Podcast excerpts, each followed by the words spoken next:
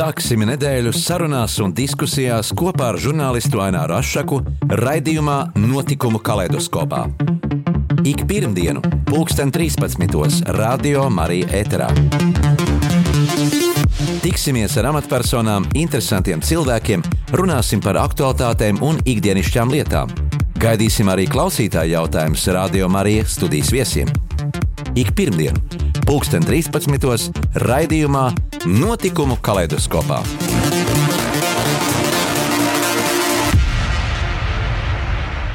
Esiet sveicināti, cienījamie radio klausītāji. Ir pagājuši 30 gadi kopš janvāra barikādēm. Laiks ikdienu, ik gadu attālina mūs no tiem vēsturiskiem notikumiem, kuri bija ļoti nozīmīgi Latvijai un izšķīra tās likteni tajās janvāra dienās. Uh, šodien studijā esmu aicinājis uz sarunu žurnālistu Veltu Puriņu. Sveicināti! Velta, tu toreiz uh, vadīji Latvijas televīzijas raidījumu Panorāma un aktīvi arī bija iesaistīta iesaistījusies tieši informatīvā jomā šo barikāžu procesu Latvijas Tautas frontes darbībā, atspoguļojot, analizējot vakarā raidījumos un sazinoties ar visiem Tautas frontes augstākajām amatpersonām un bija šo notikumu tieši atsliecinieci. Var, varbūt vairāk pat zināja kā citi. Nu, droši vien, ka vairāk um, nezināja kā citi, jo Latvijas Tautas fronte un arī cilvēki paši personiski sekoja līdzi notikumiem Viļņā un, uh, un informēja par katru soli, kas tur notiek, kā mainās situācija.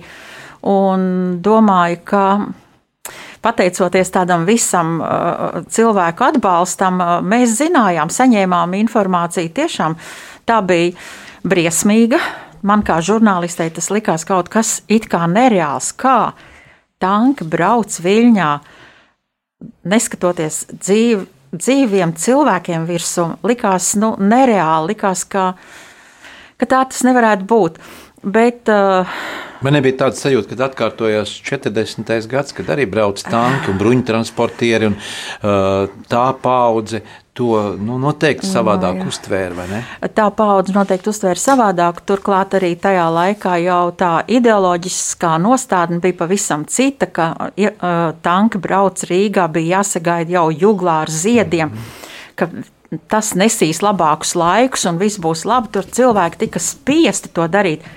Bet šeit pavisam citi, šeit tu acs pret acu ar tanku aizstāvēja savu ceļu uz brīvību. Te nevarēja, te nevarēja tādu tiešu vizuālu saikni pat salikt kopā, jo pret tiem tankiem nostājās cilvēki ar kailām rokām, tikai ar savām dzīvībām un vēlmi sasniegt valsts neatkarību. Es runāju par Lietuvu tajā brīdī, bet 40. gadā tas jau bija, tas jau bija, tas jau bija savādāk. Tad cilvēki Mums, tomēr gaidīja kaut kādu laiku pārmaiņas un kaut ko, bet eh, laika pārmaiņas gada. gaidīja vai klusināti, mm -hmm. vai arī piespiedu kārtā, vai arī piespiedu kārtā kas iz, beig beigās izrādījās, ka taisnība tā bija, ka tas bija piespiedu kārtā. Tur organizēja rūpnīcas darba ļaužu sagaidīšanu, tanku sagaidīšanu ar ziediem un urā saucieniem un plakātiem attiecīgiem. Šeit bija, es, es, es vēl gribu pateikt, šeit bija savādāk. Un, un, un es vienkārši tikai apbrīnoju Latvijas Tautas frontes stratēģisko uh, aizsardzības plānu izstrādātājus, kas zibenīgi spēja orientēties šajā uh, situācijā, jo sagaidot uh, to, ka tas varētu tāda pati vardarbība turpināties uh, Latvijā un uh, Igaunijā, tur varēja domāt, ka visļaunāko, kas būs. Uh, Un, un, un, un tādēļ atskanēja arī Latvijas Tautas fronts aicinājums celt barikādas, visus barikādēm. Bija organizētas Latvijas atbalsta punkti, teiksim, tas, kas mums bija. Tur, teiksim, telegrāfs, radio, televīzija, raidtorņi, tilti, ministru padome, augstākā padome. Tie bija tie objekti, kas bija jāapjož ar barikādēm. Īpaši jāsargā, jo, ja Īp... tos, ja tos ja. neutralizē, ja atslēdz, tad faktiski nekāda informācija nenonāk. Informācija. Šobrīd ir sociālie tīkli, ja tos atslēdz arī Toreiz bija tikai radioaparāts pie auss un uh, saucamie pageri, kur mēs varējām kaut kādā veidā sazināties. Bet faktiski, ja mums būtu toreiz uh, šādi sociālie tīkli, iespējams, ka, iespējams, ka daudz kas varētu būt arī savādāk. Varbūt sliktāk, bet varbūt arī. Daudz būtu varbūt arī dezinformācijas, raugoties protams, no mūsdienu viedokļa. Protams. Ļoti daudz ir dezinformējošu. Tā, tā varētu būt tās, tad, tie varianti jau un scenāriji ir vairāki. Bet uh, Latvijas Tautas fronte operatīvi izveidoja šos aizsardzības objektos uh, tādus centrus, piemēram, Latvijas televīzijā tur bija tāds kungs, Miller kungs, viņš, viņa rokās bija Latvijas televīzijas, Latvijas televīzijas torņa aizsardzības organizēšana, gan barikāžu apjošana, gan, gan arī nu, kārtības regulēšana, ja tā var teikt. Jo Zaķisāla tajā barikāžu dienās bija atvērusi savas durvis ikvienam aizstāvim, kas stāvēja apkārt televīzijai vai televīzijas tornim. Un, uh, tur bija no dažādiem rajoniem iebraukuši cilvēki.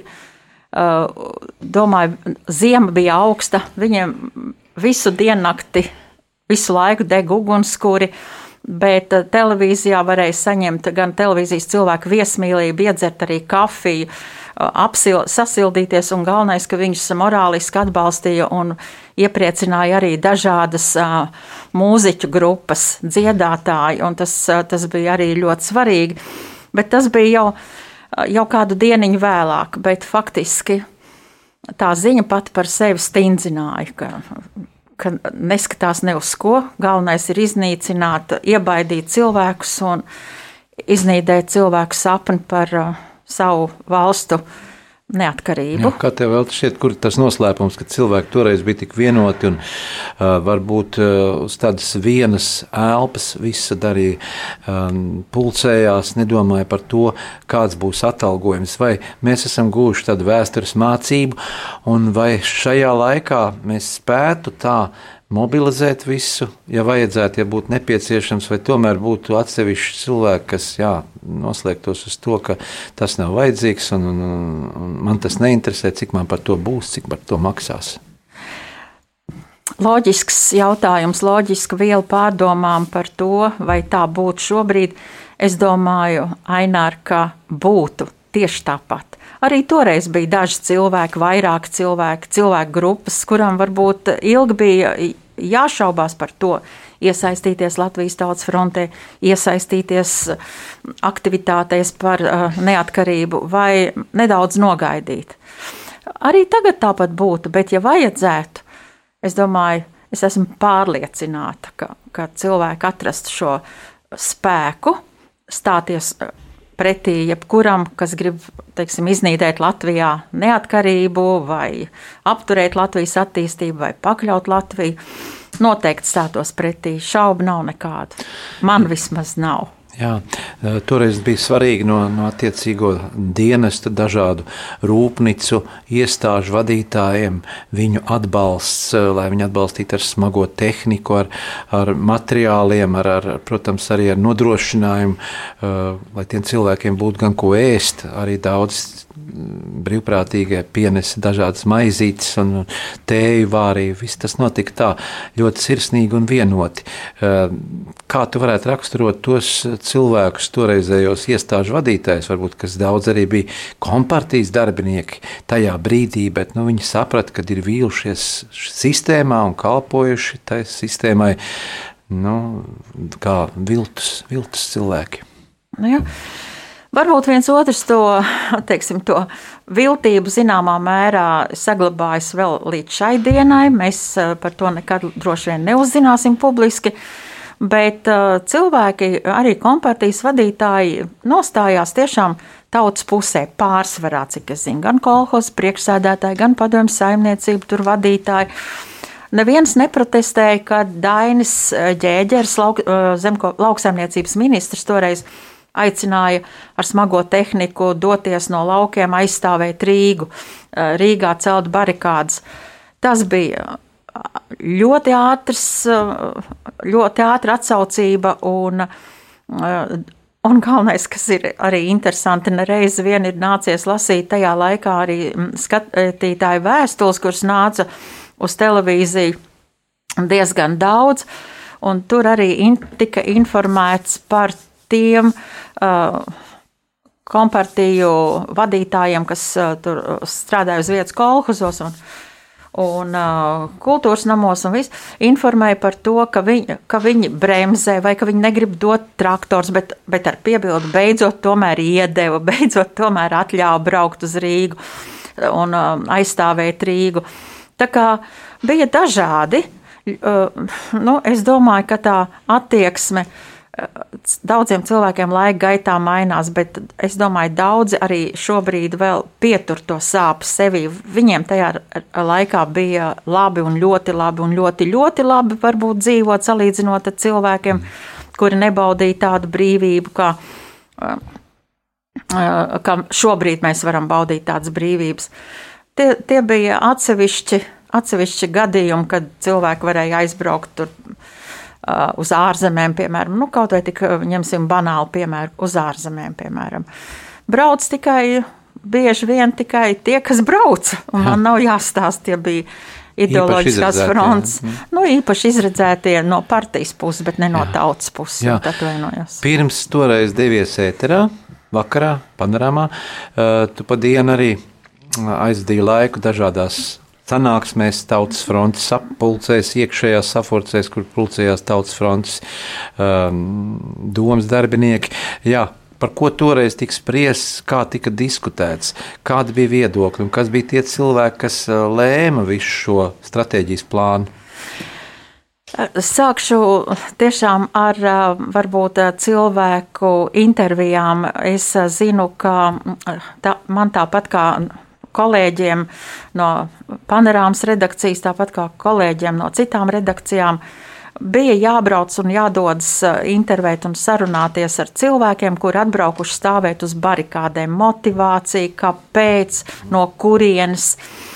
Un, eh, runājot ar cilvēkiem, atceros eh, vairākas intervijas gan Doma laukumā, gan Doma baznīcā, kur arī bija ierīkots medicīnas punkts, kur uh, ārsti man pazīstam arī doktori sniedza atbalstu cilvēkiem, kuriem vajadzēja kādu, jebkādu medicīnisko palīdzību vēl pirms tām traģiskajām dienām, kad notika šī apšaude. Tā kā uh, runāju ar ārstiem, runāju uh, pēc jau barikādu, barikāžu laika, jau bija pagājuši kā desmit gadi, iznāca sarunāties ar vienu ātrās medicīniskās palīdzības ārstu, Un viņš atcerējās arī tos laikus un teica, bet tajā laikā vecrīgā bija tik droši, ka nevajadzēja baidīties, ka tev kāds apzaks, ka tev kāds aplaupīs, ka tev kāds uh, piekaus, varbūt noziedzības. Praktiski nebija ne diena, ne nakti. Vecrīga bija. Viņš teica, Rīga bija drošākā vieta, kādu es jau kad esmu piedzīvojis pēc tam, ka nevajadzēja baidīties pilnīgi ne no kā. Savukārt cit, ar citiem cilvēkiem runājot, man stāv prātā arī uh, Jelgavas lauksaimniecības um, akadēmijas toreiz uh, studenti un arī pasniedzēji bija atbraukuši. Un pēc tam dīvainā kārtā uh, jau pēc tiešām daudziem gadiem. Es vienu tādu lauksaimniecības akadēmijas studentu sastapu Rīgas domē. Viņš bija Rīgas mērs uh, Guns Bojārs. Ja? Jā, jā Gunārs Bojārs. Jā, Gunārs tomēr. Uh, Gundars. Uh, Gundars. Gundars. Mēs jau abi aizmirstam vārdus. Tātad Gundars Bojārs. Un es viņam tieši jautāju, es teicu, nu, bet toreiz Latvijas Tautas fronte aicināja neņemt ieročus līdzi, neizprovocēt cilvēkus uz kaut kādām vardarbībām un, un provokācijām. Uh, bet es saku, jums bija, nebija ieroči līdzi. Viņš teica, bija, un, un, un, un, un daudziem bija šie ieroči līdzi. Tas būtu tas pēdējais, ja gadījumā. Kāds būtu palaidis šāvienu? Ja? Kāpēc? Nē, absolūti. Ka kāds būtu nācis uzbrukumā, tanki vai kas, -hmm. ta, tas būtu pēdējais, ko viņi pielietot. Viņi pielietot ierocis bez šaubām. Tas jau būtu uz dzīvību un nav, tur šaubu nebija nekāda cilvēka, tam izrādās bija gatavi. Nu, nu labi. Un vēl da, daudz interesants sarunas, tāpat no ogres puses. Tā, tas par, tā, par tiem cilvēkiem vienkārši sirsnīgi, atsaucīgi, vienoti. nezinu, pašaizliedzīgi, varonīgi un drosmīgi, bet tobrīd jau neviens nedomāja, ka tur kāds ir varonīgs vai īpaši drosmīgs. Nē, galvenais bija būt kopā, būt klāt un un stāvēt līdz pēdējam, kas bija psiholoģiski ārkārtīgi svarīgi. Bet tagad par Latvijas tautas frontes lēmumiem.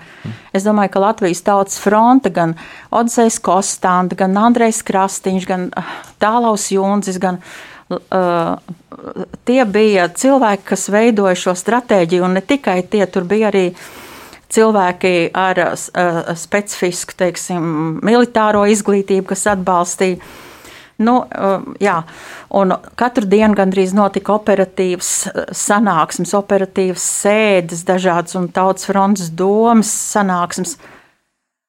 Un, jā, un tad mans viens no tiem darbiņiem bija arī informēt sabiedrību par to, par ko runā tautas fronts, sarunāties arī ar tautas fronts uh, cilvēkiem. Tā kā visi bijām darbos, ko kurš varēja, to tas darīja, bet uh, pildījām arī savu pienākumu informēt visu, kas te notiek Latvijā, tāpat informēt starptautisko sabiedrību, cik vien varējām. Tas žurnālists darbs, bet Nu, žurnālists darbs vienkārši. Jā, tāpat radošai inteligencei bija liela nozīme. Uzticējās rakstniekiem, pazīstamiem māksliniekiem, Džemas Kulme, eh, Jānis Peters. Tās bija personības, kas jau bija ieguvuši jau padomju laikā ar saviem darbiem, ar savu veikumu, nu, tādu uh, popularitāti tautā. Bet kas iedvesmoja šos cilvēkus? Ja, tad, kas iedvesmoja šos cilvēkus? Vai tikai tie bija vārdi, vai uh, tās bija tādas uh, nākotnes uh, cerības? Es tev varētu šo pašu jautājumu pajautāt, jo tu arī biji līdzdalība, līdz, līdz esošs visos notikumos, kas notika. Tev bija um, video kamera salīdzinoši neliela. Tu gāji visur, uh, interfronts, tur mītiņos, tur rādīja, kāda pasākuma notiek, kā, kur uh, cilvēki ir informējuši, ka tur ir aizdomīgi un tur ir aizdomīgi. Tu visur gāji filmēt. Tu par šo jautājumu pats esi domājis, kas bija tas, kas tev lika to darīt, un, un neprasot mm. ne atlīdzību, neko. Tā bija un, sirdsapziņa. Tev sirdsapziņa. Nākotni, domas par nākotni, Redzi? par savu, savu nākotnes likteni, ja? jo, jo tas liktenis ar kādu, ar kādu dzīvoja, sadzīvoja mūsu vecāki, ar dažādiem pazemojumiem, ar, ar, ar, ar, ar ciešanām, tas viss bija, šeit tika dota zaļā gaisma kaut ko mainīt kaut ko, un tu zini ļoti labi, ko mainīt. Nevis tikai kaut ko, bet tu skaidri zināji, ka neatkarīga Latvija ir mūsu galvenmērķis. Bet es gribēju vēl atbildot uz šo pašu tavu jautājumu, ko es tev kā pretjautājumu arī iedevu. Es domāju, ka mums bija tā, man kā vēsturniekam jāsaka. Mm bija arī diezgan spēcīga mūsu ģimenēs, visās ģimenēs, arī tavā droši vien šī sociālā atmiņa sociāla atmiņa, ko nodeva no paudzes paudzē. Kā ir bijis tad, kad Latvija bija neatkarība? Kā tur vecvecmāmas, piemēram, dēli ir cīnījušies, kā vecvectēvs ir cīnījies par Latvijas neatkarību 18. gadā un par to saņēmis dāvanu no neatkarīgās Latvijas zemi, mežu, māju viņš varēja uzbūvēt. Tas ir tas, kad tas ir tas neatkarības balss, ka tu esi noteicējis un ka tu zini, ka visvienkāršāko cilvēku, visvienkāršāko karavīru tajā laikā, ka valsts novērtēs katru tavu soli valsts labā. Nu, jā, tā, tas bija tā, ka būs otrā dienā pēc visām nebūšanām, pēc neatkarības pasludināšanas mums būs. Jā. Būs šis, šis, šīs sajūta, par ko mums ir stāstījuši vecvecāki un saglabājuši šo stāstus līdz tam brīdim. Bet tagad muzikāla pauze. Atgādinu, ka mēs studijā sarunājamies ar žurnālisti. Latvijas televīzijas toreizējo žurnālistu, tagad TV24 žurnālistu Veltu Puriņu.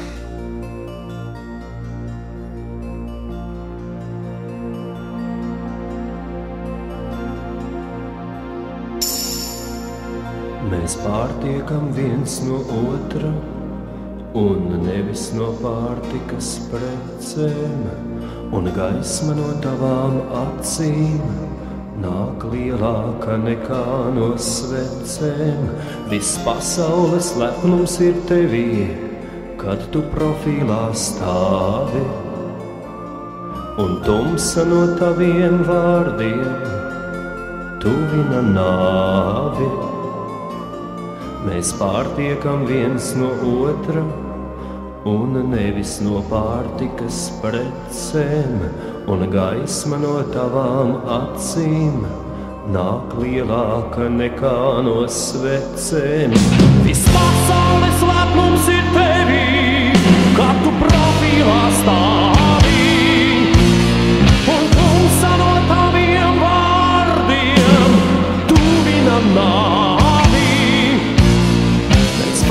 Pārtiekam viens no otra un nevis no pārtikas precēm, un gaisma no tavām acīm nāk lielāka nekā no svecēm.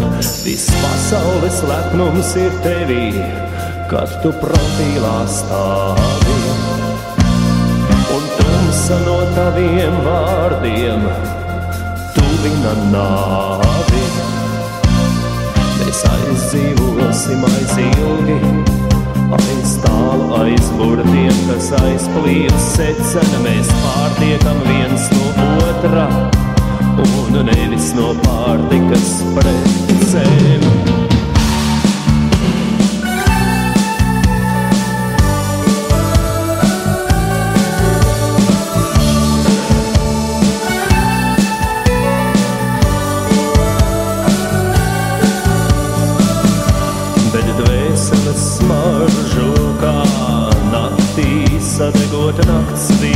Violes.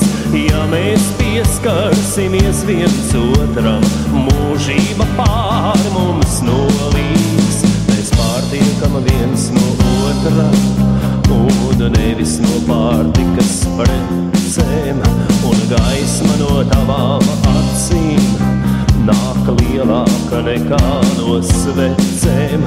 Viss pasaules lepnums ir tevī, kā tu profilā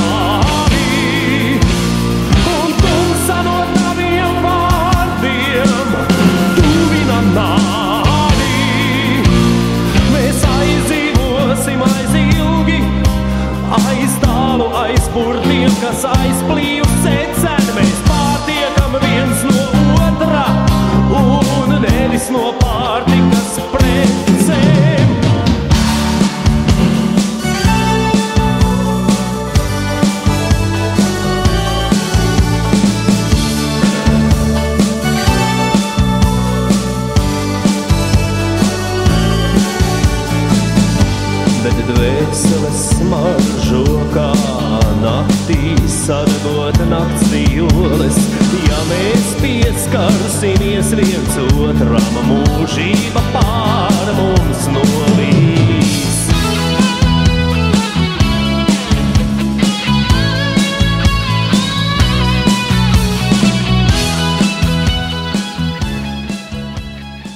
Turpinām sarunu studijā ar mūsu šīsdienas studijas viesu, televīzijas žurnālistu Veltu Puriņu, kura bija uh, notikuma atsliecinieks tieši informācijas ziņā. Daudz, daudz piedalījās uh, šajās sanāksmēs, Latvijas Tautas fronts sanāksmēs. Un, mm, Tāpat kā visa tauta, arī viņi sekoja un deva mums informāciju, deva mums informāciju, lai mēs zinātu, ko un kā rīkoties.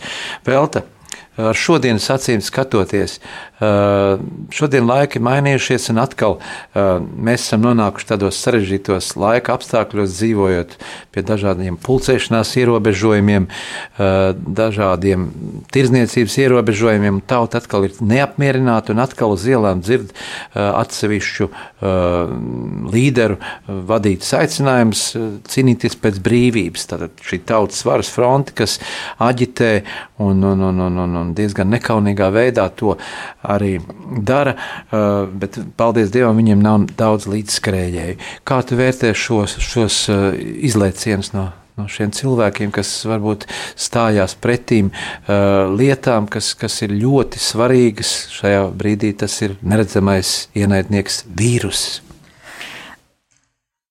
Domāju, ka tie cilvēki nezina, neapjauš, ko viņi dara, bet patiesībā sakot, tas ir absolūts dezinformācijas produkts, ko mēs redzam šajos aicinājumos, lai, lai piebiedroties sabiedrībai un valdībai, kas cīnās par covid ierobežošanu. Es domāju, labi, neizglītotība, to mēs varētu pieskaitīt varbūt kā primāro. Mm. Daudz cilvēku jau nav, protams, ķīmiķi, mikrobiologi, epidemiologi, infektologi. infektologi. Mm. Bet, principā, mums ir jāsaprot, ja mēs arī atskatāmies vēsturē, tur bijuši gan mēra laika, gan spāņu gripas laika, gan visādi citas slimību uzliesmojuma laika, infekcijas tur viss kaut kas. Bet infektologi jau par to ir infektologi, lai viņi informētu, brīdinātu. Un galvenais, ka tas jau nav tikai Latvijā vai Lietuvā tas vai Igaunijā. Tas, pasauli. jā, tas aptver visu pasauli. Un šādi aicinājumi un tik uh, klai demonstrēt uh, šādu uzmācību, ka nevajag darīt to un nevajag darīt to, tas ir demokrātijas ierobežojumi. Vai ko. Es uzskatu, ka zināmā mērā tā ir diezgan liela kaitniecība, un ja cilvēki tam pakļaujās, tad viņiem vispirms ir jāsaprot, ar ko viņi riskē. Tas ir visas sabiedrības interesēs censties ierobežot, censties vienam otram palīdzēt, jo Jo nu jau mēs esam, jā, pie tā pilnīgi pārliecināti varam teikt, ka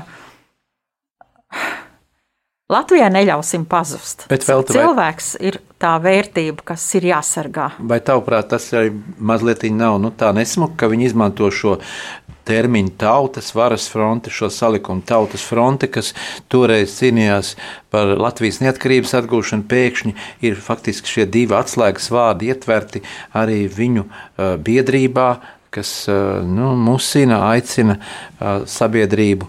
Uh, nākt ielās tieši šajā brīdī, kad nu, varbūt tas nav tas galīgi nav ieteicams. Pilnīgi tev piekrītu, ka jā, Latvijas tautas fronte, tas šie vārdi skan lepni, tie sevi ir pierādījuši, un, teiksim, tautas varas, varas fronte to izmanto, tad tautas fronte. Uh, Tas no viņu puses ir ar tālējošu mērķi, lai piesaistītu cilvēkus, ka viņi nāk tā kā jaunā Latvijas tautas fronte. Teorētiski tā mēs būsim tie, kas tagad dos jums veselību, operēs, operēs, kad vajag operēt, un vienā dienā viss mainīsies. Es uzskatu, ka cilvēki tiek pakļauti absolūtai dezinformācijai par veselības situāciju. Man vienkārši pat par to nepatīk runāt, un, ja godīgi sakot, diezgan, diezgan, diezgan riebīgi ir skatoties uz, uz tām pūlēm, ko viņi dara, lai ierieptu it kā valdībai, ka viņi te aizliegs, tur jāliek maskas un nezinu kas, ieriept valdībai, pretoties pret nu, komandantu stundām, pretoties mm, jebkam, kas uh, nāk no valdības puses ieteikumu, lai ierobežotu to covid. Ka viņi vienkārši neapzinās, ko viņi dara. Viņi neapzinās, ka līdz ar to viņi nostāda riska grupā ne tikai sevi, bet savus tuviniekus, citus cilvēkus, kas lētecīgi pakļaujas. Jā, nu tik iesim, rekat, Citās valstīs ir daudz savādāk. Jā. Nekas jā, nav savādāk. Jā, jā, agrāk arī bija šie līderi, Dainis Ivāns un, un, un Tautas frontē. Tad, jā, šobrīd šīs nu, pretiesiskās grupas, kas, kas, kas, kas musina cilvēkus doties ielās, arī diezgan naidīgi izskatās par Latvijas valsts prezidentu, par premjeru. Kā zināms, gan Negils Levits, gan Krišāns Kariņš ir, ir Amerikas valsts pilsoņi. Nu, kaut kāda šeit ir tāda nu, nesaprotam, nesaprotam nepatika pret šiem valsts vadītājiem, un dažādās situācijās tiek izmantots, lai viņu vārdi, viņa teiktais tiek samontēts tā, tādā kontekstā, kas rada tādu spriedzi un varbūt pat, pat, pat tādu nu, humoru piedevu. Nu, jo humoru piedeva, tas jau nebūtu nekas, jo citur pasaulē arī, cik ir nācies šādu un tādu dzirdēt, tad uh, nav jau ne premjers, ne prezidents kaut kas uh, tas svētais, ko nedrīkst, uh, teiksim, izsmiet vai uh, pasmieties par viņu kādu joku vai draudzīgu saržu veidot. Tas pieder pie lietas, tauta jau ir visādi, un citreiz tas, tas teiksim, tas smieklīgākais padara arī tuvāk to cilvēku, kas ir visaugstākajā līmenī, teiksim, prezidentu un premjeru. Bet ta, tas ir vienkārši arī ētikas jautājums, izglītotības jautājums. Mēs eh, šos eh, cilvēkus, valsts prezidentu un, un premjeru, mēs, protams, uz viņu rīcību skatāmies ar lielām gaidām, ar lielām gaidām par to, ka tas uh, dos uh, kādu labumu valstī, sabiedrībai, katram cilvēkam. Protams, ka mēs gaidām. Bet šajā situācijā, uh, par ko ir stāsts īstenībā, Ja es arī piedzimtu Jaunzēlandē, bet es arī esmu Latvijas pilsonis, es atgrieztos, es, es uh, būtu ierobežota mm, teiksim, savā izvēlē startēt politikā vai startēt uz valsts prezidenta amatu. Tas jau būtu arī diezgan mm, nu, liktos aizvainojoši. Cilvēki mācījušies, ieguvuši labu izglītību, piedzimuši tur, kur viņi ir piedzimuši, atgriežušies Latvijā un ar sirdi un dvēseli ir par Latviju. Es uh, vienmēr, jāsaka, atceros, ko man jau savā laikā mm, teica māma. Viņa saka, tas, kas ir piedzimis, tas ir jākristī. Tas nozīmē, ja tu esi ievēlē, ievēlēts par uh, valsts prezidentu, premjeru, um, iecelts, tad tas tev ir jārespektē, jāpieņem un jāveido, protams, dialogs, jācīnās, jā, tieši jānorāda arī uz kļūdām. Tas ir arī žurnālista darbs un pienākums tieši norādi, norādīt, arī kritizēt, bet, teiksim, aicināt uz naidu un, un, un naturāli, teiksim, kaut kādā veidā izsmiet vai kā, es, es nezinu. Man tas nav pieņemami. Jā, notikumi, tātad šie ir mūsdienu notikumi, bet ja vēl paskatāmies eh, pirms 30 gadiem, tautas fronts lielais spēks, un tikpat ātri arī pēc dažiem gadiem, kad tika atgūta neatkarība, it kā mēģis tika sasniegts, un tautas fronte kā tāda, Latvijas tautas fronte pazuda, un līderi arī Visi šobrīd ir ielīduši alās, noslēpušies, un uh, nav viņu turpinātāji. Nav šīs uh, struktūras tālākie gājēji? Jā. Šis, šis jautājums man šķiet slēpj sevi arī daudzus vēl šobrīd nezināmus aizkulisku pasākumus vai aizkulisku sarunas. Jo, ja Latvijas Tautas fronte startētu pirmajā, piektās Latvijas Republikas piektās saimnes vēlēšanās, es esmu pārliecināta, ka Latvijas Tautas fronte uzvarētu noteikti uzvarētu. Bet kāpēc Latvijas tautas fronte sašķēlās vairākās daļās? Nu, labi, jā, pierādījumi jau nav, ka sašķēlās, vienkārši aizgāja pie viena politiskā spēka, pie otra, kaut kā sadalījās. Bet, ja Latvijas tautas fronte būtu noturējusies, protams, iespējams, iespējams ka kaut kas pienāktu mums ātrāk, kaut kā, kā mēs tā organiski ieiet jaunajā sistēmā, un kaut kā mēs eh, tomēr visu laiku nepiesauktu to, ka, jā, redz, mums solīja to, bet eh, rekas sanāca. Es domāju, ka jā, šis jautājums ir tiešām neskaidrs. Ja par to kāds kaut ko varētu uzrakstīt, kas ir veidojis šādu uh, kas ir um, rosinājis, ka nav vērts tautas frontei startēt, mēs jau netiksim. Runājot par galā. vēsturiskiem notikumiem, eh, protams, nevaram pieminēt arī eh, toreizējos pretiniekus, opozīciju, interfronti. Kā viņi toreiz darbojās, kā viņi sev mobilizēja un nu, kā ar šodienas acīm skatoties, kāda ir šī interfronte?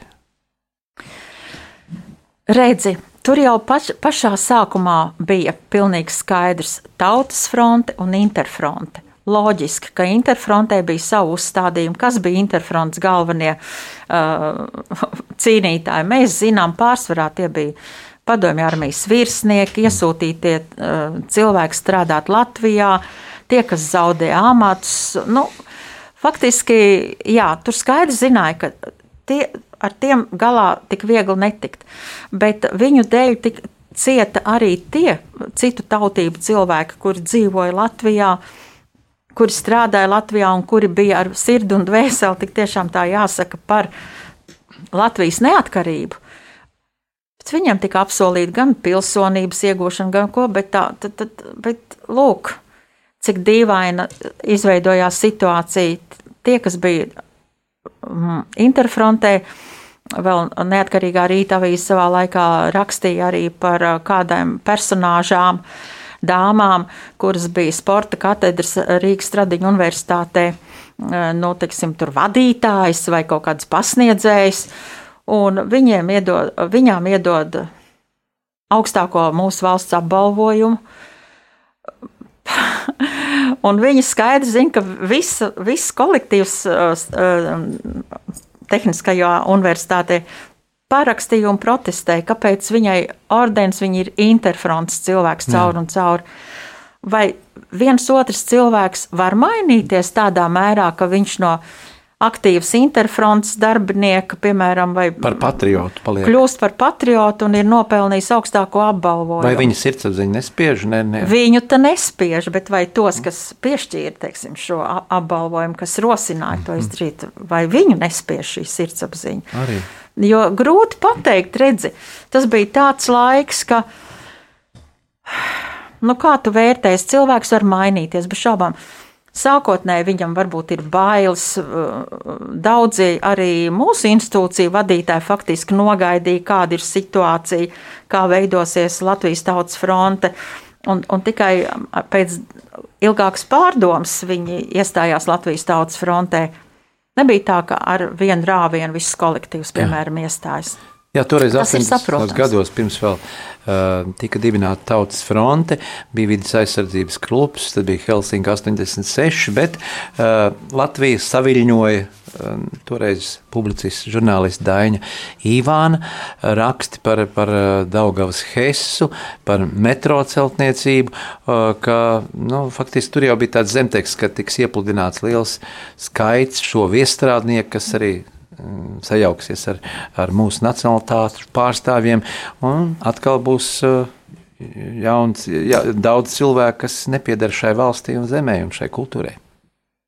Nu, jā, tā bija. Tā bija, bet Tā. tagadējos laikos arī mēs tomēr jūtam, ka mūsu, uh, mūsu cilvēki, mūsu, uh, mūsu potenciālie darbinieki, gan medmāsas, gan arī dažādas pasniedzējas, skolotāji, izceļojuši uz ārzemēm, atraduši daudz labāk atmaksātu darbu un gribot, negribot, šobrīd jau situācija tāda, ka mēs esam jau spiesti ievest darba spēku, jo, jo zemnieku saimniecībās daudz zemnieku saimniecību vadītāji neredz citu iespēju, ka nav šīs darba rokas. Jā, bet tāpat laikā valdības politika ir tāda, ka tiek aicināti cilvēki atgriezties. Viņi pietiekami ilgi ir strādājuši ārzemēs, daudz ir labi nopelnījuši, iekrājuši, iekrājuši jāsaka, līdzekļus, lai varētu dzimtajā pusē atgriezties un sākt strādāt.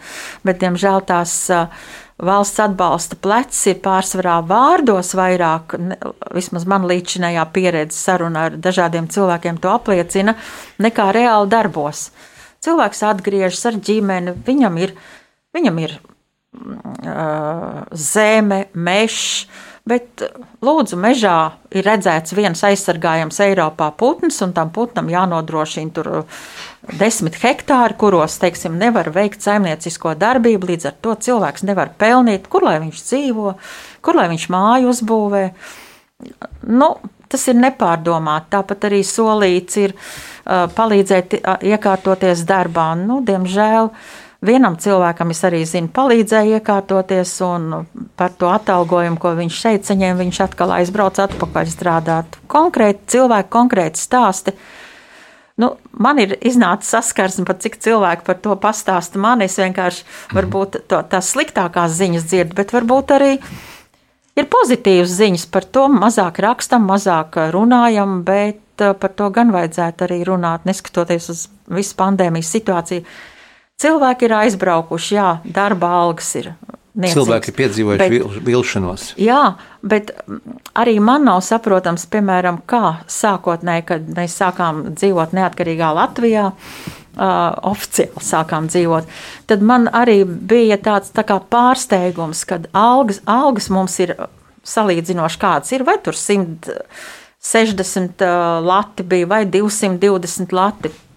Uh, Bet tie maksājumi par dažādiem pakalpojumiem, tā piespiestā privatizācija, tās kapeikas, ko tu varēji saņemt par tiem privatizācijas certifikātiem, tas bija tik, tik uh, nekaunīgi, man liekas, uh, tik nekaunīgi uzspiedumi uh, tautai, kur tauta varbūt, ja būtu attiecīgi novērtēts viss, viņi varētu dzīvot šobrīd bagātāk, un mēs nerunātu par nabadzības plaisu milzīgo un nerunātu, kā to sašaurināt. Vienkārši godīgi vajadzētu atdot uh, tos parādus, par ko ir varbūt valsts tiešām sirdsapziņa parādā daudziem cilvēkiem. Atkal, lai skan mūzika, atgādinu, ka studijā mēs šodien sarunājamies ar, ar žurnālisti Veltu Puriņu un klausamies muzikas skaņdarbu.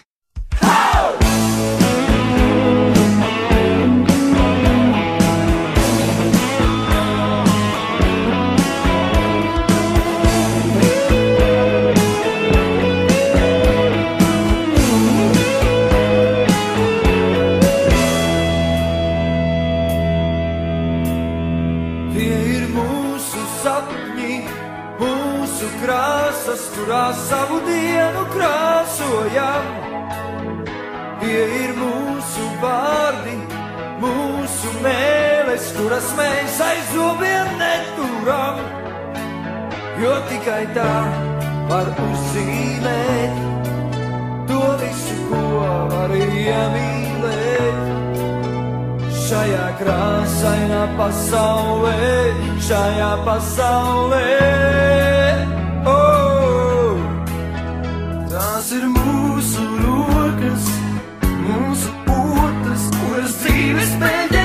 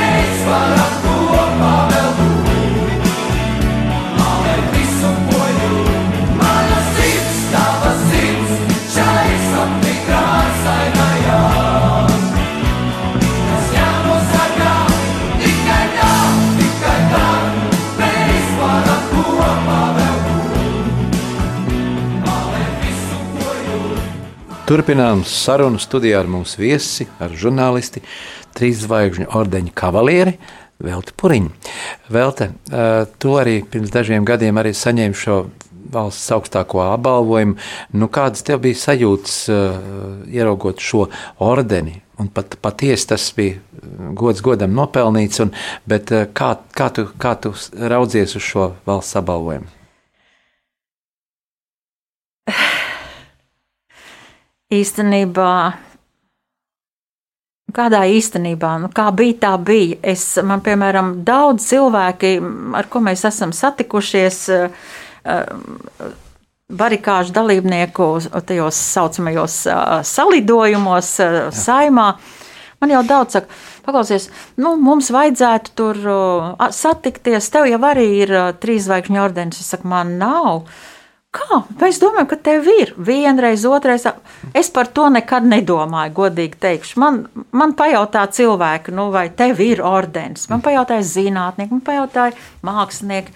Viņi domāja, ka cilvēki bija domājuši, ka man, man ir, bet es par to nedomāju, jo es nedēļu tā tur strādāju, nedēļu tā es tur gāju, nedēļu tā es runāju, nedēļu tā. Bet, un tieši rezultāts ir šāds. Vienu rītu es skatos mobilajā telefonā, agrā rīta stundā iekrīt man apsveicu ar Latvijas Republikas augstāko ANO triju zvaigžņu ordeni. ordeņa piešķiršanu. Skatos, valsts prezidents uzrakstījis man mm -hmm. šādu izziņu.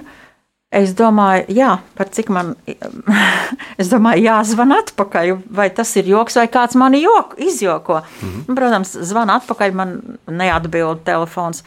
Pēc tam man piezvana bijušais panorāmas uh, vadītājs Jānis Gavārs. Pēc tam man zvana uh, bijušie kolēģi no panorāmas, un arī agri, agri no rīta saka, ka tikko es tam. E, es nenoticēju, bet uh, es biju priecīga. Bet priecīga savādāk, priecīga savādāk, jo es nebiju domājis, ka kādreiz tas notiks vispār par to. 90. gados to arī vēl bija uh, 5. 6. saimnes deputāti. Uh, 5. saimnes deputāti. Nu, kādas tev ir atmiņas par šo laiku, uh, esot uh, kopā pie simts gudriem galvām? Pie simts gudriem galvām man ir pamācošas un tikai pamācošas atmiņas. Un, un es domāju, ka ir diezgan nežēlīga tā politika, ja pat, uh, teiksim, ja pat uh, tavs cīņu biedrs kādreiz rakstot savus atmiņas un grāmatas var par tevi iesmiet, ka tu redz, to, toreiz vēl tu puriņu pateici tā un tā, vai viņi pateica tā un tā. Nē, es tā, jā, es tā teicu, bet ne es tā domāju, kā tas cilvēks pagriež. At, tas arī atkarībā no situācijas, kā viņš pagriež, kāda manas domas. Nu, vienkārši īkšķis uz augšu, augšu īkšķis uz leju, tu zini, ka tev ir. Uh, par jābalso par vai pret, vai jāatturās. Man bija, tas man bija īsti nepieņemami, jo es citreiz domāju savādāk, un citreiz es domāju arī tā kā domā opozīcija. Ja pēc, jāsaka, apspriežam kādu jautājumu.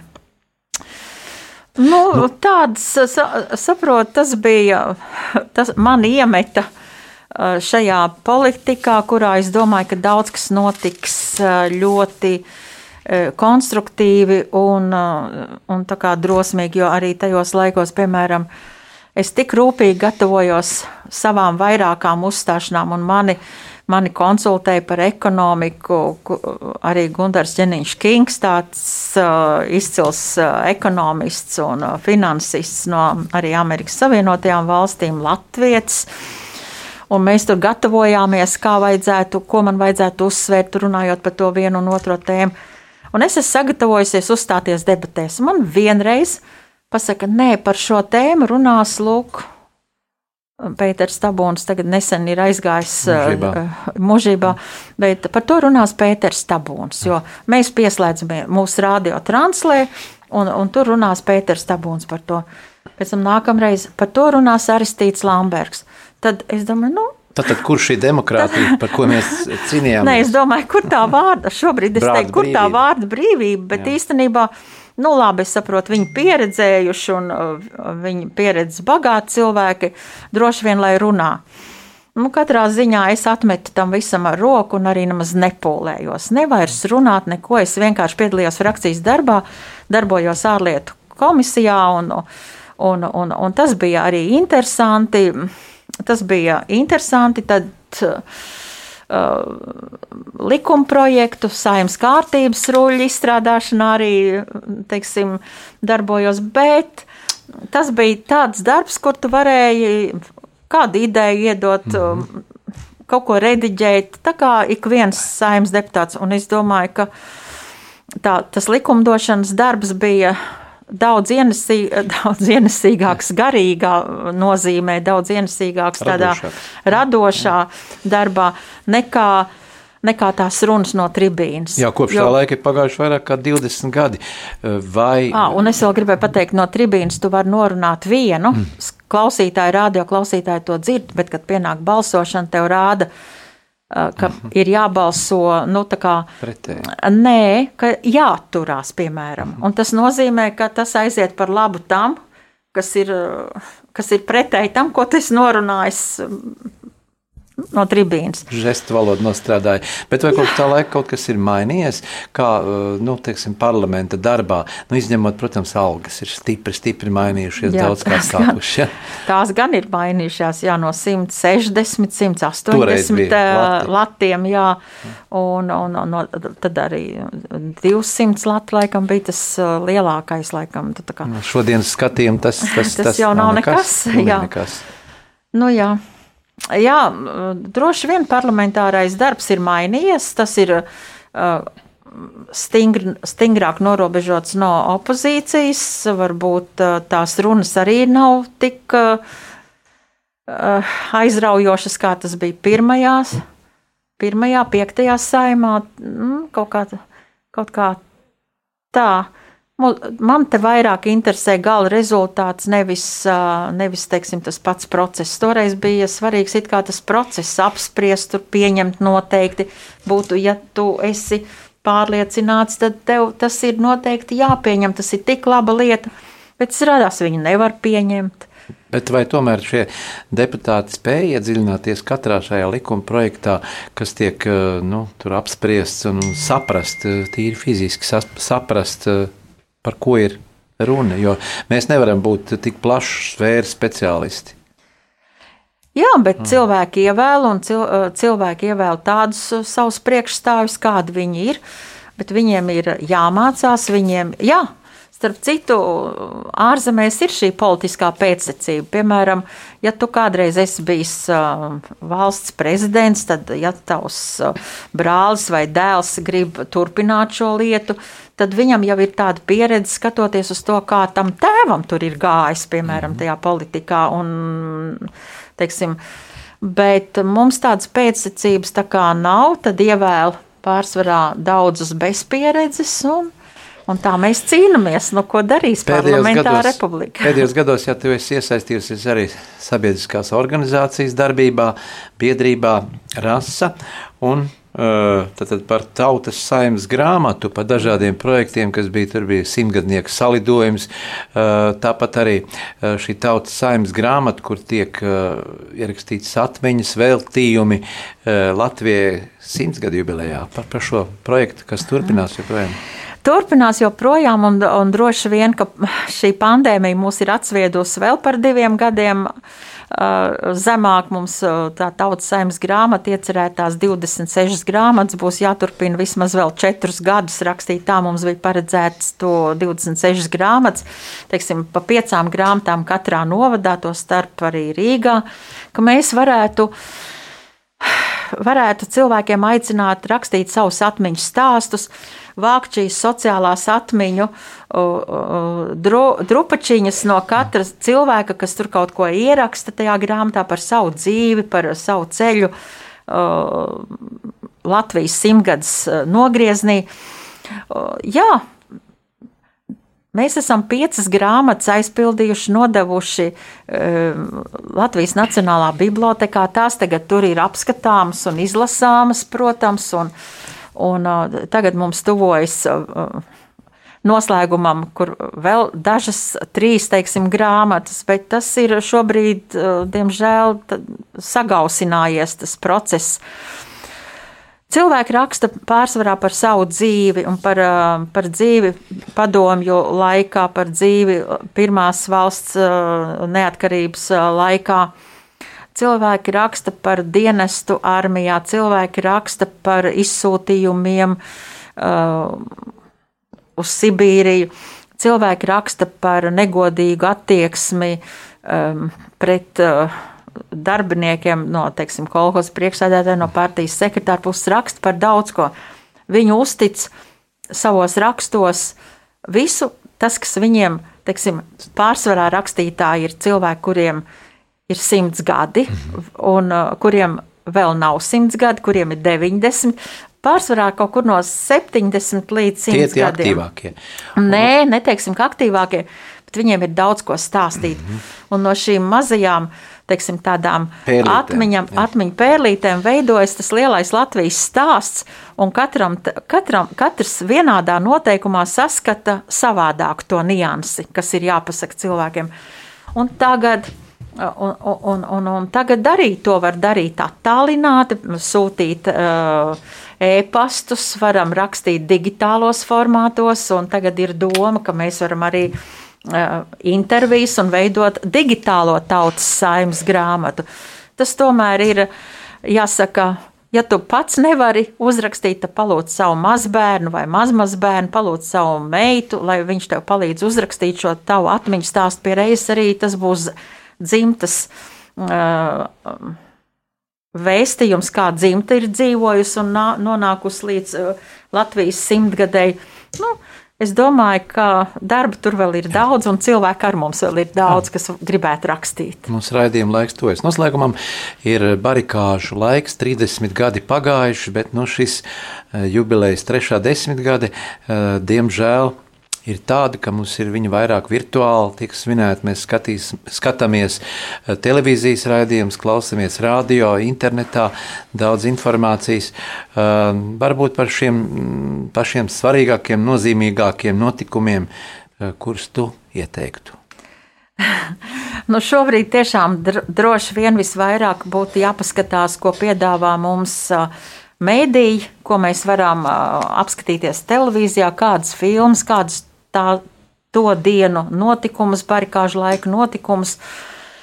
Bet um, parasti barikāžu muzejs organizējis bija ļoti daudz pasākums, piemēram, uh, Zaķu salā tika aizdegts pirmais ugunskurs. Pirmais ugunskurs, tas tā tradicionāli, teiksim, 13. ievada šos barikāžu pasākumus. Šogad ugunskurs, protams, nebūs. Nebūs arī uh, jauno zemesargu, kas tur pulcējas parasti klāt un kur tiek, uh, teiksim, cienāti visi klātesošie, kas sanāk arī televīzijas darbinieki cienāti ar uh, lauku, armijas lauku virtuves labumiem. Uh, Nebūs arī droši vien pieņemšanas pie saimnes priekšsēdētājas, barikāžu laika žurnālisti netiksies tur lielā kopumā. Tāpat nedegs lielais ugunskurs Doma laukumā, kaut gan eh, barikāžu muzeja eh, vadītājs Renārs Zaļais ir solījis, ka tomēr būs eh, fotografiju uh, Uh, izlikts fotogrāfijas doma laukumā. Kā lūdzu? Retrospekcija. Jā, tāda retrospekcija būs, un, un tomēr tur cilvēki varēs iet, retināt, protams, mm. ievērojot attāl, attālumu noteikto. Skatīties, vest savus mazbērnus, paskatīties tās to dienu fotogrāfijas un uh, Un atcerēties, mājās vairāk runās un stāstīs, kā tas ir toreiz bijis. Un, jā, jā. Atmiņu, atmiņu ugunskurs var iedegt arī mājās. Sekosim līdzi arī šiem notikumiem, cik iespējams virtuāli. Un tavs novēlējums uh, šajā janvārī, šajā nu, pārmaiņu laikā, savādajā laikā, uh, kad mēs ticam, ceram, bet vēl īsti nezinām, vai tas viss beigsies šī pandēmija. Kad tas beigsies? Beigsies, jebkurā gadījumā beigsies, būsim, būsim likuma paklausīgi, ievērosim noteikumus, turēsimies pie veselības un noteikti izķepurosimies. Bet novēlējums ir tāds, ka mūsu tauta vienmēr ir bijusi pašapziņīga, mūsu tauta ir bijusi sīksta, mūsu tauta ir bijusi stipra un lielos brīžos, atšķi, izšķirīgos Latvijai brīžos mēs esam bijuši tiešām vienoti. Un mums ir iemesls, par ko būt lepniem. Un arī tagad mēs varam lepoties ar to, ka, kas mums ir sasniegts. Tas ir mūsu līdzpilsoņu, mūsu visu devums uh, savai valstī. Paldies Dievam, tā ir, tā ir stipra. Paldies, vēl, kad atradāt laiku arī pabūt studijā. Atgādinu, ka mēs šodien studijā sarunājamies ar, ar Latvijas televīzijas bijušo žurnālistu Veltu Puriņu, šobrīd TV24 žurnālisti, un arī trīs zvaigžņu ordeņa kavalieri. Paldies par padarīto darbu, eh, atmiņu stāstījumu šodien radījām arī studijā. Paldies! Paldies, paldies tev! Paldies! Sāksim nedēļu sarunās un diskusijās kopā ar žurnālistu Aināru Rošu raidījumā Notikumu kaleidoskopā. Ik pirmdienu, pulksten 13. Radio Marija Eterā. Tiksimies ar amatpersonām, interesantiem cilvēkiem, runāsim par aktuālitātēm un ikdienišķām lietām. Gaidīsim arī klausītāju jautājumus Radio Marijas studijas viesiem. Ik pirmdienu, pulksten 13. raidījumā notikumu kaleidoskopā.